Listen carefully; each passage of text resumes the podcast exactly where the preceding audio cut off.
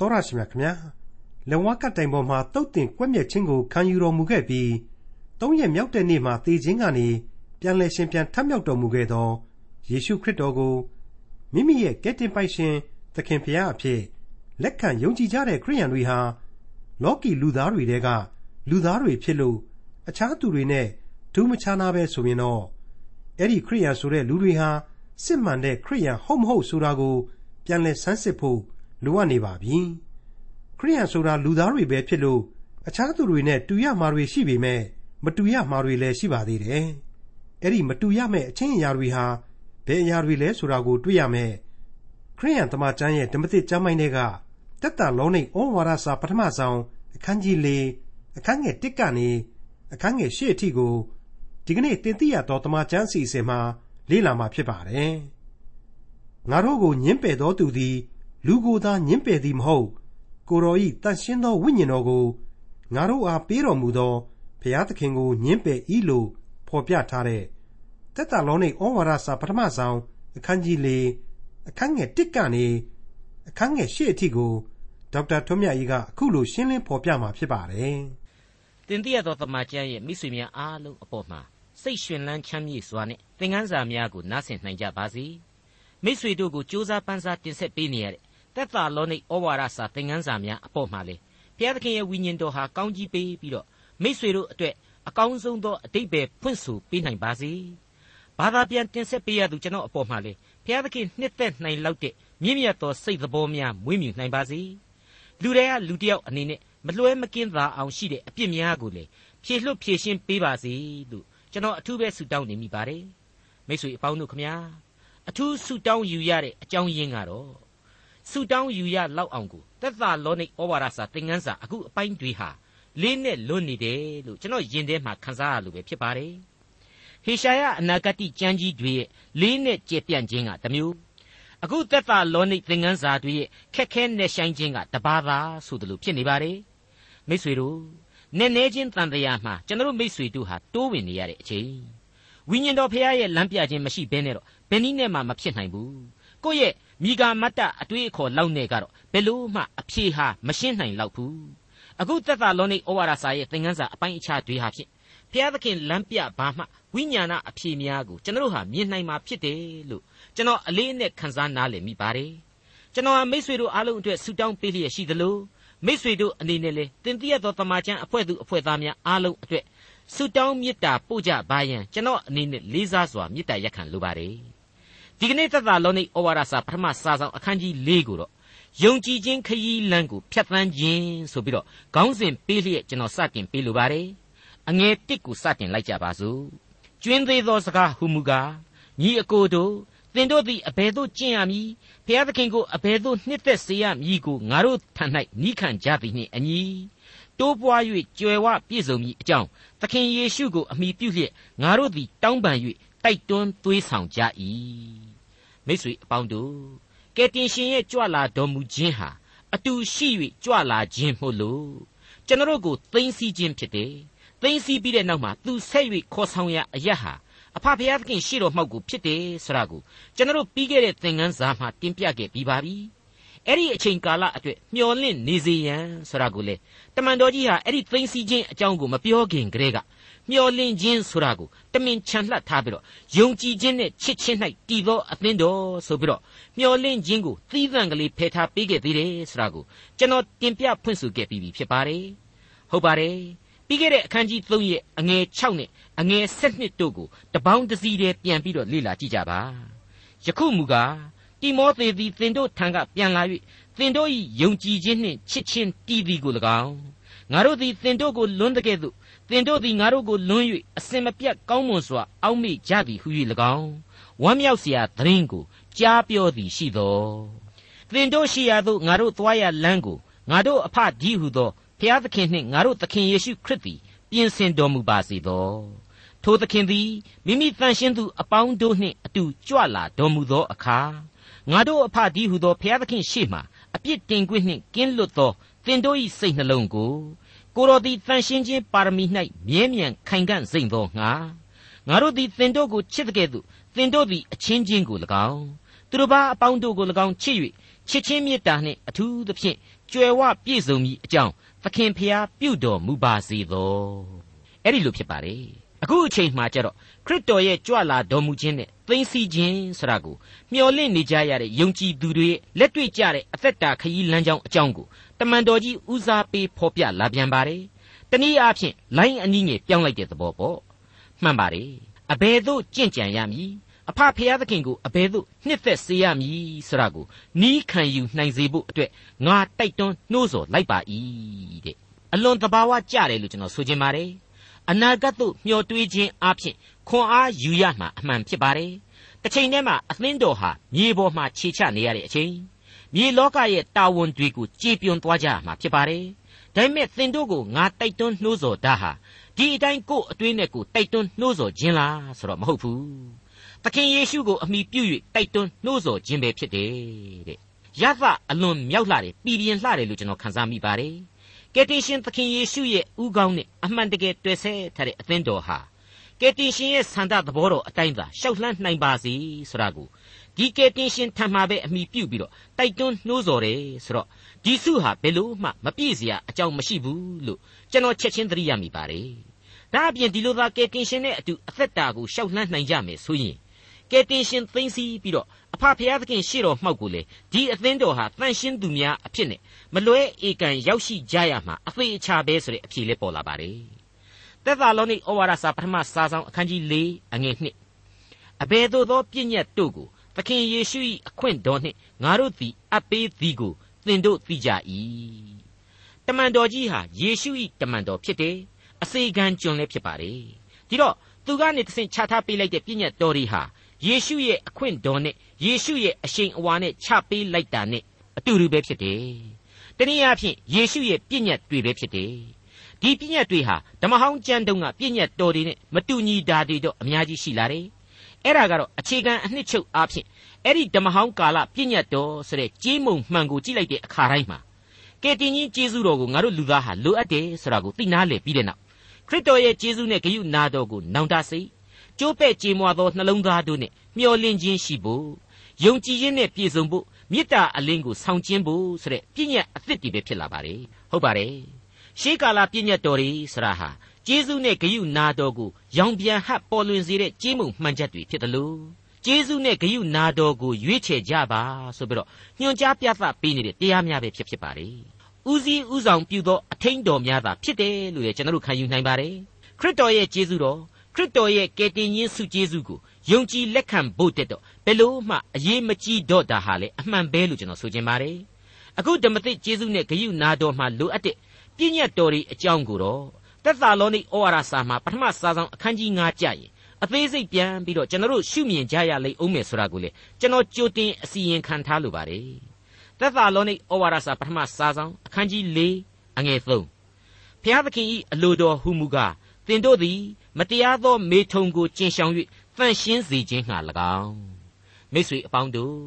ကျေးဇူးနဲ့ဂရုဏာတော်အားဖြင့်အပြစ်လွတ်ခြင်းအခွင့်ကိုရတယ်ဆိုတော့မင်းတို့ခရစ်တော်ကိုယုံကြည်သူတွေ လောကကြီးမှာမကောင်းတာတွေကြိုက်တယ်လို့လုပ်ပြီးတော့ခရစ်တော်ကိုယုံပါတယ်ခမညာဆိုတာနဲ့အပြစ်ကနေအမြဲလွတ်ရောဆိုတာမျိုးလားဆိုပြီးတော့မေးเสียရှိလာပါတယ်ခလေးတွေတွေးပြီးတော့မေးခြင်းမျိုးပေါ့မဟုတ်ပါဘူးကျေးဇူးနဲ့ဂရုဏာတော်အရေးအာဝါသမှလေအကျင့်တရားဆိုတာဟာရှိမြဲပါပဲပြည့်ညက်ချက်တွေဆိုတာဟာရှိမြဲပဲဖြစ်ပါတယ်မင်းတို့ငါ့ကိုချစ်ရင်ငါပြည့်ညက်တို့ကိုစောင့်ရှောက်ရမယ်ဆိုတာကိုခရစ်တော်ကိုယ်တော်တိုင်မွတ်ဆိုခဲ့ပါတယ်တနည်းအားဖြင့်ညွှန်ကြားခဲ့ပါတယ် အဲ့ဒီလိုသူ့ကိုချစ်တဲ့မေတ္တာစိတ်နဲ့ပြည့်ညက်များကိုစောင့်ရှောက်ဖို့ဆိုတာဟာလေကိုယ့်ရဲ့ခွန်အားတတ္တိတွေအသွေးသားတွေကရှိနေတဲ့ခွန်အားတွေနဲ့တော့မဟုတ်ဘူး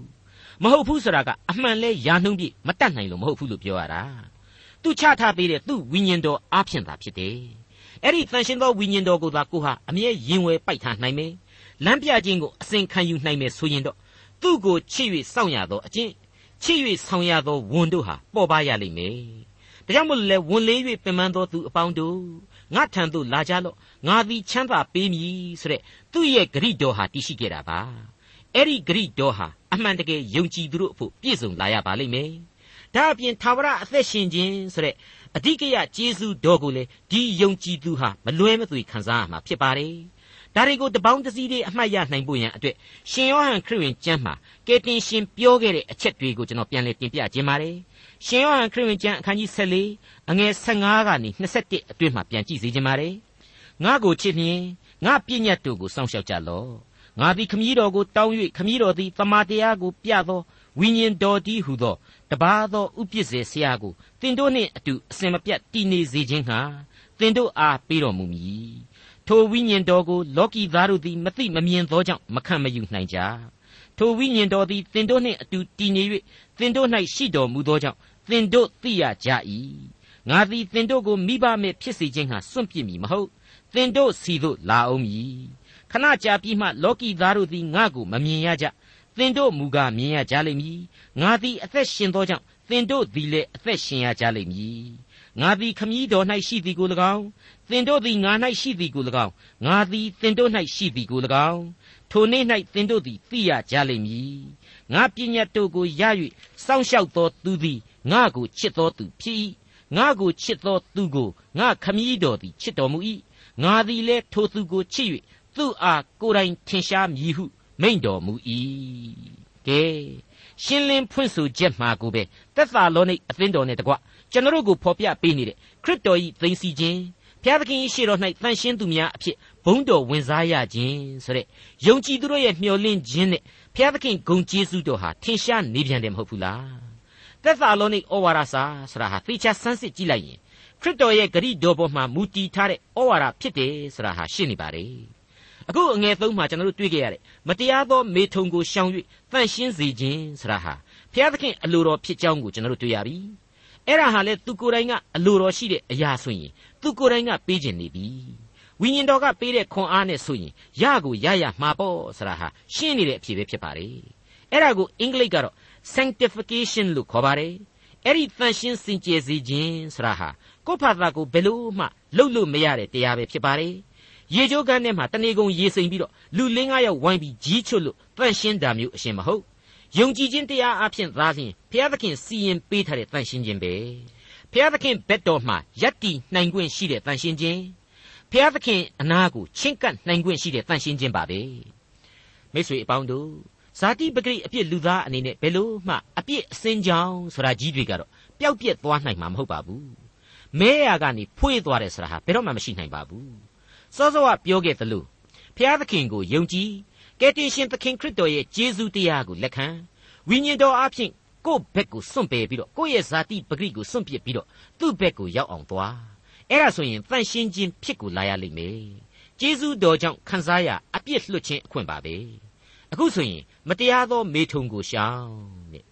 အဲ့ဒီခေတ်ကာလသက်သာလောနေအေသန်စ်ကောရိန္သုဆိုတဲ့မြို့ပြကြီးတွေဟာမတရားတဲ့မေထုံပြုတ်မှုတွေသိပ်ပြီးတော့များခဲ့တယ်။ Great ယဉ်ကျေးမှုအရေးအောက်ကနှက်ကွန်းကြီးတွေစီးစိမ်ခံတဲ့အပျော်အပါဗိမှန်ကြီးတွေရေချိုးကန်ကြီးတွေကိုအေယာမလူအဖွဲ့အစည်းကြီးဟာတွားရောက်ပျော်ပါတတ်ကြတယ်။ Diana, Selina စတဲ့နတ်ဖျားမတွေဆိုတာဟာအဲ့ဒီပျော်ရွှင်မှုတွေနဲ့ဆက်ဆက်နေတယ်။သက်သာလောနိတ်လိုနှုပြိုတဲ့နှုပြိုတဲ့အသင်းတော်ကလေးဟာ ခရစ်တော်၌သာမြဲမြံစွာယက်တည်ပြီးတော့မနေနိုင်ဘူးဆိုရင်တော့အဲ့ဒီစုံစမ်းနှောက်ယှက်ခြင်းရေစည်းကြောင်းကြီးတွေကိုမျောပါသွားလိမ့်မယ်ဒီတော့ခရစ်တော်၌စွဲမြဲစွာယက်တည်တဲ့ယုံကြည်သူဖြစ်လာပြီဆိုရင်တော့လှေနံနှစ်ဖက်နှင်းလို့မရတော့ဘူးအဲ့ဒီအရက်ကခေါ်သံတွေကိုရှောင်ကျဉ်ကြရလိမ့်မယ်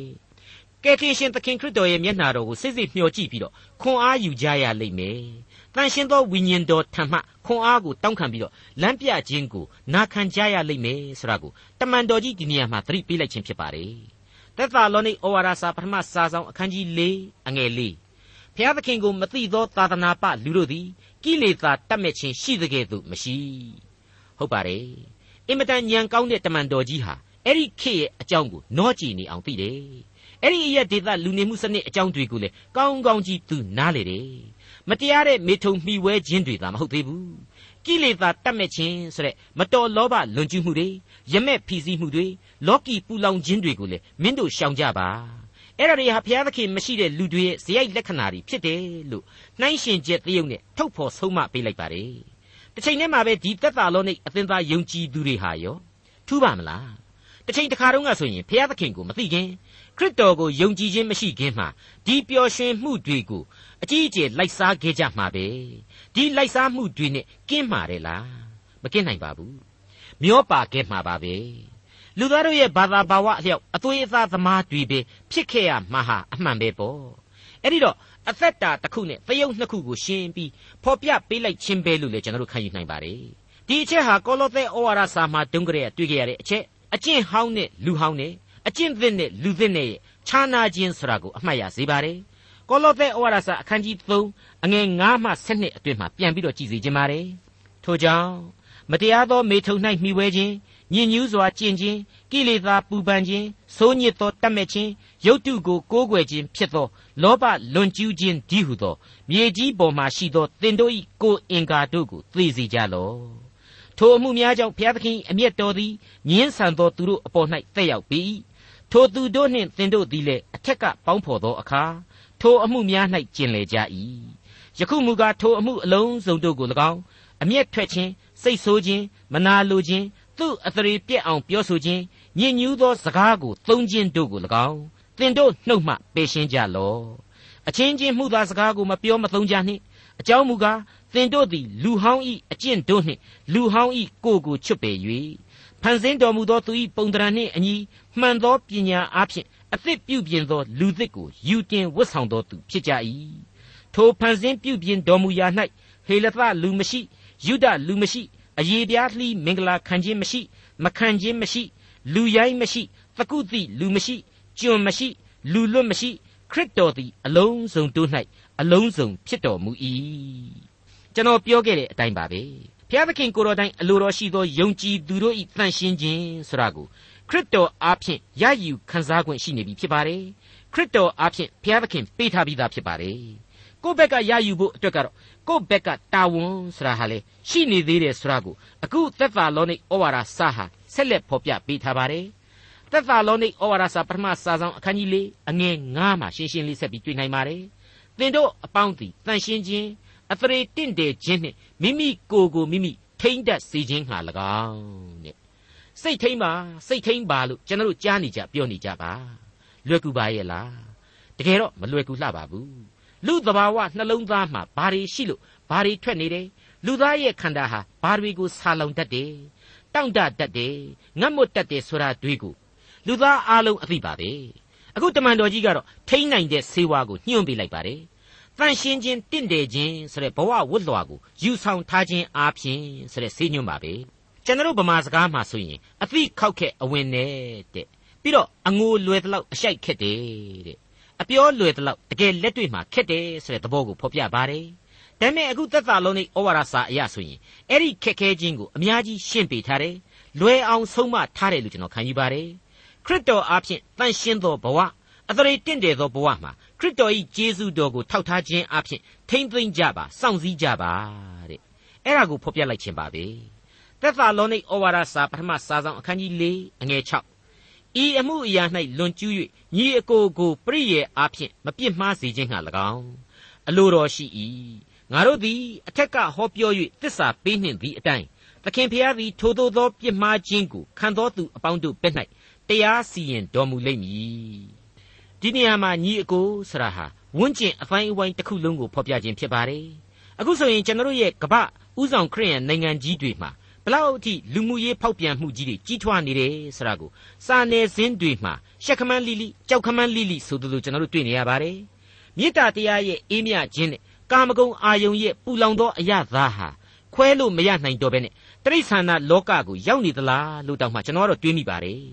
အဲ့ဒီလိုမတူညီတဲ့အရာကိုခွဲခြမ်းပြီးနားမလဲတော့ဝိညာဏလူသားတို့ရဲ့အဖွဲ့အစည်းအတွင်းမှာလူမှုရေးညဉ့်ညမ်းမှုတွေ ဖောက်ပြန်မှုတွေဟာအယံဖောင်းပွားလာပြီးတော့လူအဖွဲ့အစည်းအတွက်စိုးကျိုးတွေအများကြီးဖြစ်ပွားလာစေတယ်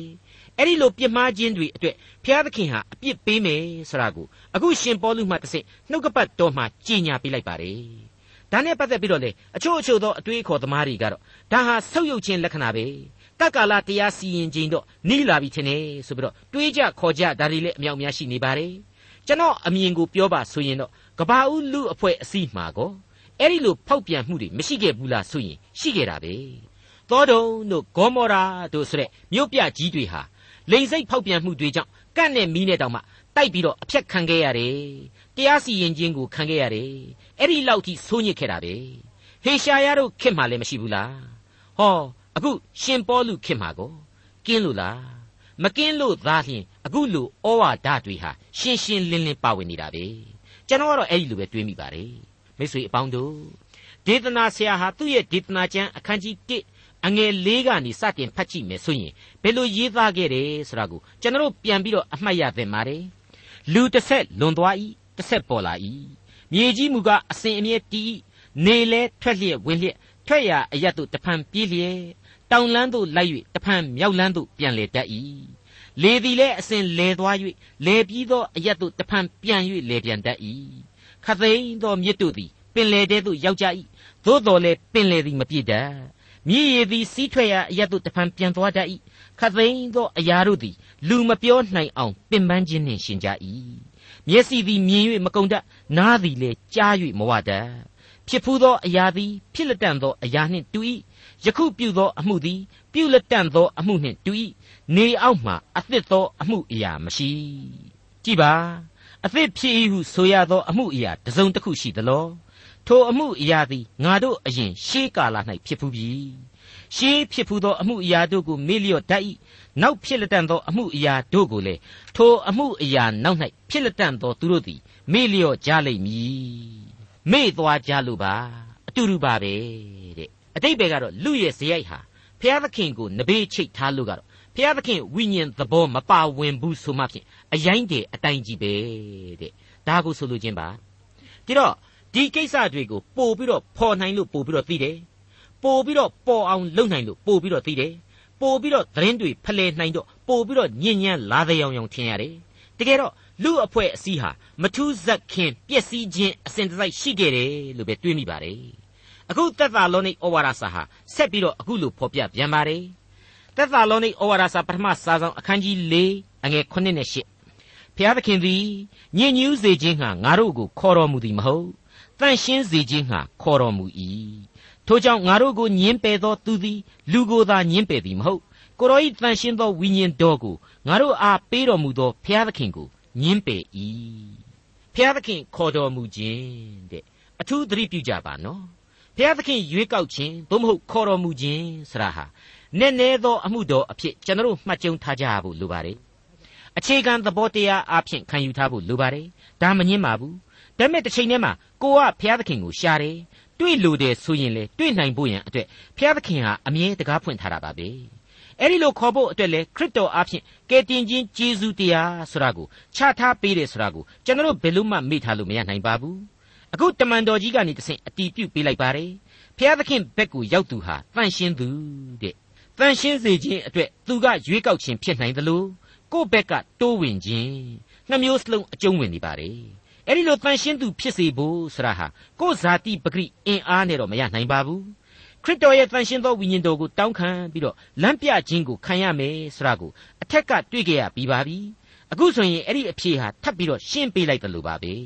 ကိုရောဤတန်ရှင်းသောဝိညာဉ်တော်ကိုဘုရားသခင်ဟာပေးထားတယ်သက်သာလောနေနဲ့တကွကပယုံကြည်သူတို့စီမှာရှိနေတယ် အဲ့ဒီလိုယုံကြည်သူတွေကိုညှင်းပယ်ခြင်းဟာဝိညာဉ်တော်ကိုဆန့်ကျင်ခြင်းဘုရားသခင်ကိုဆန့်ကျင်ခြင်းပဲတဲ့ကြည်စမ်း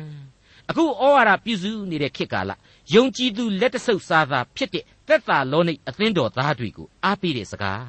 ဘလောက်အချိန်အခါအခြေအနေနဲ့ကိုက်ညီတယ်လေကျွန်တော်ပြီးခဲ့တဲ့သင်ခန်းစာတွေမှာပြောခဲ့ဘူးတဲ့အတိုင်းပဲဟေ့ခရိယန်တွေမင်းတို့ကောင်တွေကိုတော့ဒုနတ်ဖျားတွေကကိုင်းလို့အကုန်ဒုက္ခရောက်တော့မယ်မင်းတို့မကြောက်ဘူးလား မင်းတို့နဲ့ကွာဘိုးဘေးဘီပင်ကိုးကွယ်လာတဲ့နတ်ကွန်းကြီးတွေကိုများစွန့်နိုင်ရက်တယ်လို့အံ့ရောမင်းတို့ရဲ့ခရစ်တော်ဆရာဟာအပြိုကညာစီကမွေးတယ်ဆိုကြတဲ့ရုပ်တိမှမရှိတာကွာသေပြီးမှရှင်ပြန်ထမြောက်တယ်ဆရာဟာလေမင်းတို့မို့လို့ယုံတယ်ငါတို့ဖြင့်အံ့ကိုအော်ရောစသည်စသဖြင့်ချော့တခါ၆တလှသူတို့လုတ်ခဲ့ကြလိမ့်မယ်ပတ်ဝန်းကျင်အတိုင်းအဝိုင်းကနှောက်ယှက်ကြလိမ့်မယ်ပြန်ပြီးတော့ဖျက်ကြလိမ့်မယ်စိတ်မကုံကုံအောင်လဲဆွဲတရားဟောကြလိမ့်မယ် ဒါတွေကိုတမန်တော်ကြီးကရည်ရွယ်ပြီးတော့မင်းတို့စီမှာရှိနေတဲ့တန်ရှင်းသောဝိညာဉ်တော်ဟာမင်းတို့ကိုစောင့်ထိန်သွားပါလိမ့်မယ်ဆိုတာကိုတမင်တကာဖော်ပြပြီးတော့အားပေးလိုက်တာဆိုတာကိုကျွန်တော်ဒီအပိုင်းမှာအလေးနဲ့မြင်မိပါတယ်ယုံကြည်ခြင်းတရားကိုမပြက်ပြက်အောင်ဖျက်တဲ့အပိုင်းအဝိုင်းတွေကိုခံရနိုင်ဖို့ခုခံနိုင်ဖို့ရန်အတွက်တိုက်တွန်းသတိပေးလိုက်တာပဲလို့လည်းကျွန်တော်ဆိုချင်ပါတယ်မိတ်ဆွေအပေါင်းတို့ခင်ဗျာဇာတိပဂရိနဲ့ဝိညာဉ်ပဂရိတို့ဟာတကယ်တော့ဆန့်ကျင်ဘက်တရားအတိုင်းပဲအစဉ်ဖြစ်နေရမှာသဘာဝပါ ဝိညာဉ်လူသားကိုဇာတိပဂရိလူသားဟာဆန့်ကျင်လိမ့်မယ်ကိုယ့်ရဲ့တန်ရှင်းသောဝိညာဉ်ကိုကိုကိုယ်တိုင်ရဲ့ဇာတိပဂရိနှလုံးသားဟာဆန့်ကျင်လိမ့်မယ်ဆိုတဲ့သဘောမျိုးပဲဖြစ်ပါတယ်ယောမဩဝါဒစာအခန်းကြီး၈အငယ်3ကနေ6အတွင်းမှာကျွန်တော်တို့ကိုတမန်တော်ကြီးရှင်ပေါလုအခုလိုဖော်ပြခဲ့တာကိုလေမေ့လို့မရနိုင်ပါဘူးဇာတိပဂရိကြောင့်ပြည့်ညတ်တရားသည်အားနည်း၍မတတ်နိုင်သောအမှုကိုဖျားသခင်ပြုတော်မူခြင်းဟာအပြစ်နှင့်ပြည့်စုံသောဇာတိပဂရိ၏သရံကိုဆောင်းသောမိမိသားတော်ကိုဆေလွတ်တော်မူ၍ အပြစ်ဖြေဖို့ရာဇာတိပဂရိ၌အပြစ်ကိုဒဏ်ပေးတော်မူ၏အကြောင်းမူကားဇာတိပဂရိအတိုင်းမကျင့်ဝိညာဉ်ပဂရိအတိုင်းကျင့်သောငါတို့သည်တရား၌ပါသောပြည့်ညတ်တို့ကိုစောင့်ရှောက်မည်အကြောင်းသည်ဇာတိပဂရိရှိသောသူတို့သည်ဇာတိပဂရိနှင့်ဆက်ဆိုင်သောအရာတို့ကိုဆွဲလန်းသောစိတ်တော်ရှိကြ၏ဝိညာဉ်ပဂရိရှိသောသူတို့မူကားဝိညာဉ်ပဂရိနှင့်ဆက်ဆိုင်သောအရာတို့ကိုဆွဲလန်းသောစိတ်တော်ရှိကြ၏ ဇာတိပဂရိစိတ်တော်သည်သေခြင်းအကြောင်းဖြစ်၏ဝိညာဉ်ပဂရိစိတ်တော်သည်အသက်ရှင်ခြင်းအကြောင်းနှင့်ငြိမ်သက်ခြင်းအကြောင်းဖြစ်၏မိတ်ဆွေအပေါင်းတို့တမန်တော်ဝတ္ထုအခန်းကြီး16မှာပြန်ပြီးကြည့်မယ်ဆိုရင်အေဖက်အရက်ကိုရောက်တဲ့အချိန်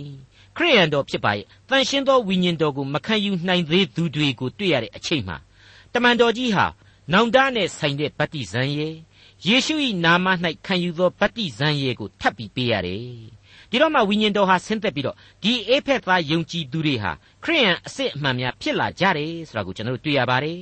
ဒီအကြောင်းတွေကိုစဉ်းစားရင်းနဲ့ကျွန်တော်တို့ဟာဓမ္မတိချင်းတွေတဲကတခြင်းအမှတ်စဉ်243မှာဖော်ပြထားတဲ့ဝိညာဉ်တော်မှုတ်သွင်းပါဆိုတဲ့တခြင်းကလေးကိုတွားပြီးတော့ကြားရောက်မိပါတယ်ဝိညာဉ်တော်မှုတ်သွင်းပါအသစ်သောအသက်နှင့်ပြည့်ဝကိုတော်ချစ်ရာကိုချစ်စေပါကိုတော်နီးတူပြုစေဝိညာဉ်တော်မှုတ်သွင်းပါ ပြည့်စုံသောတက်တာမှာ သာဝရကာလသက်ရှင်ရာကိုတော်၌တည်စေပါတဲ့ဒီတခြင်းကလေးကိုတီးဆိုရင်းနဲ့ဒီကနေ့ညအိယာသို့ဝင်ကြပါစို့ဒေါက်တာထွန်းမြတ်ရေးစီစဉ်တင်ဆက်တဲ့တင်ပြတော်တမချန်းအစီအစဉ်ဖြစ်ပါတယ်နောက်တစ်ချိန်အစီအစဉ်မှာခရိယန်တမချန်းရဲ့ဓမ္မသစ်ကျမ်းပိုင်းတွေကတက်တာလုံးနေဩဝါဒစာပထမဆုံးအခန်းကြီး၄အခန်းငယ်၉ကနေအခန်းငယ်၁၂အထိကိုလေ့လာမှာဖြစ်တဲ့အတွက်စောင့်မျှော်နားဆင်နိုင်ပါတယ်။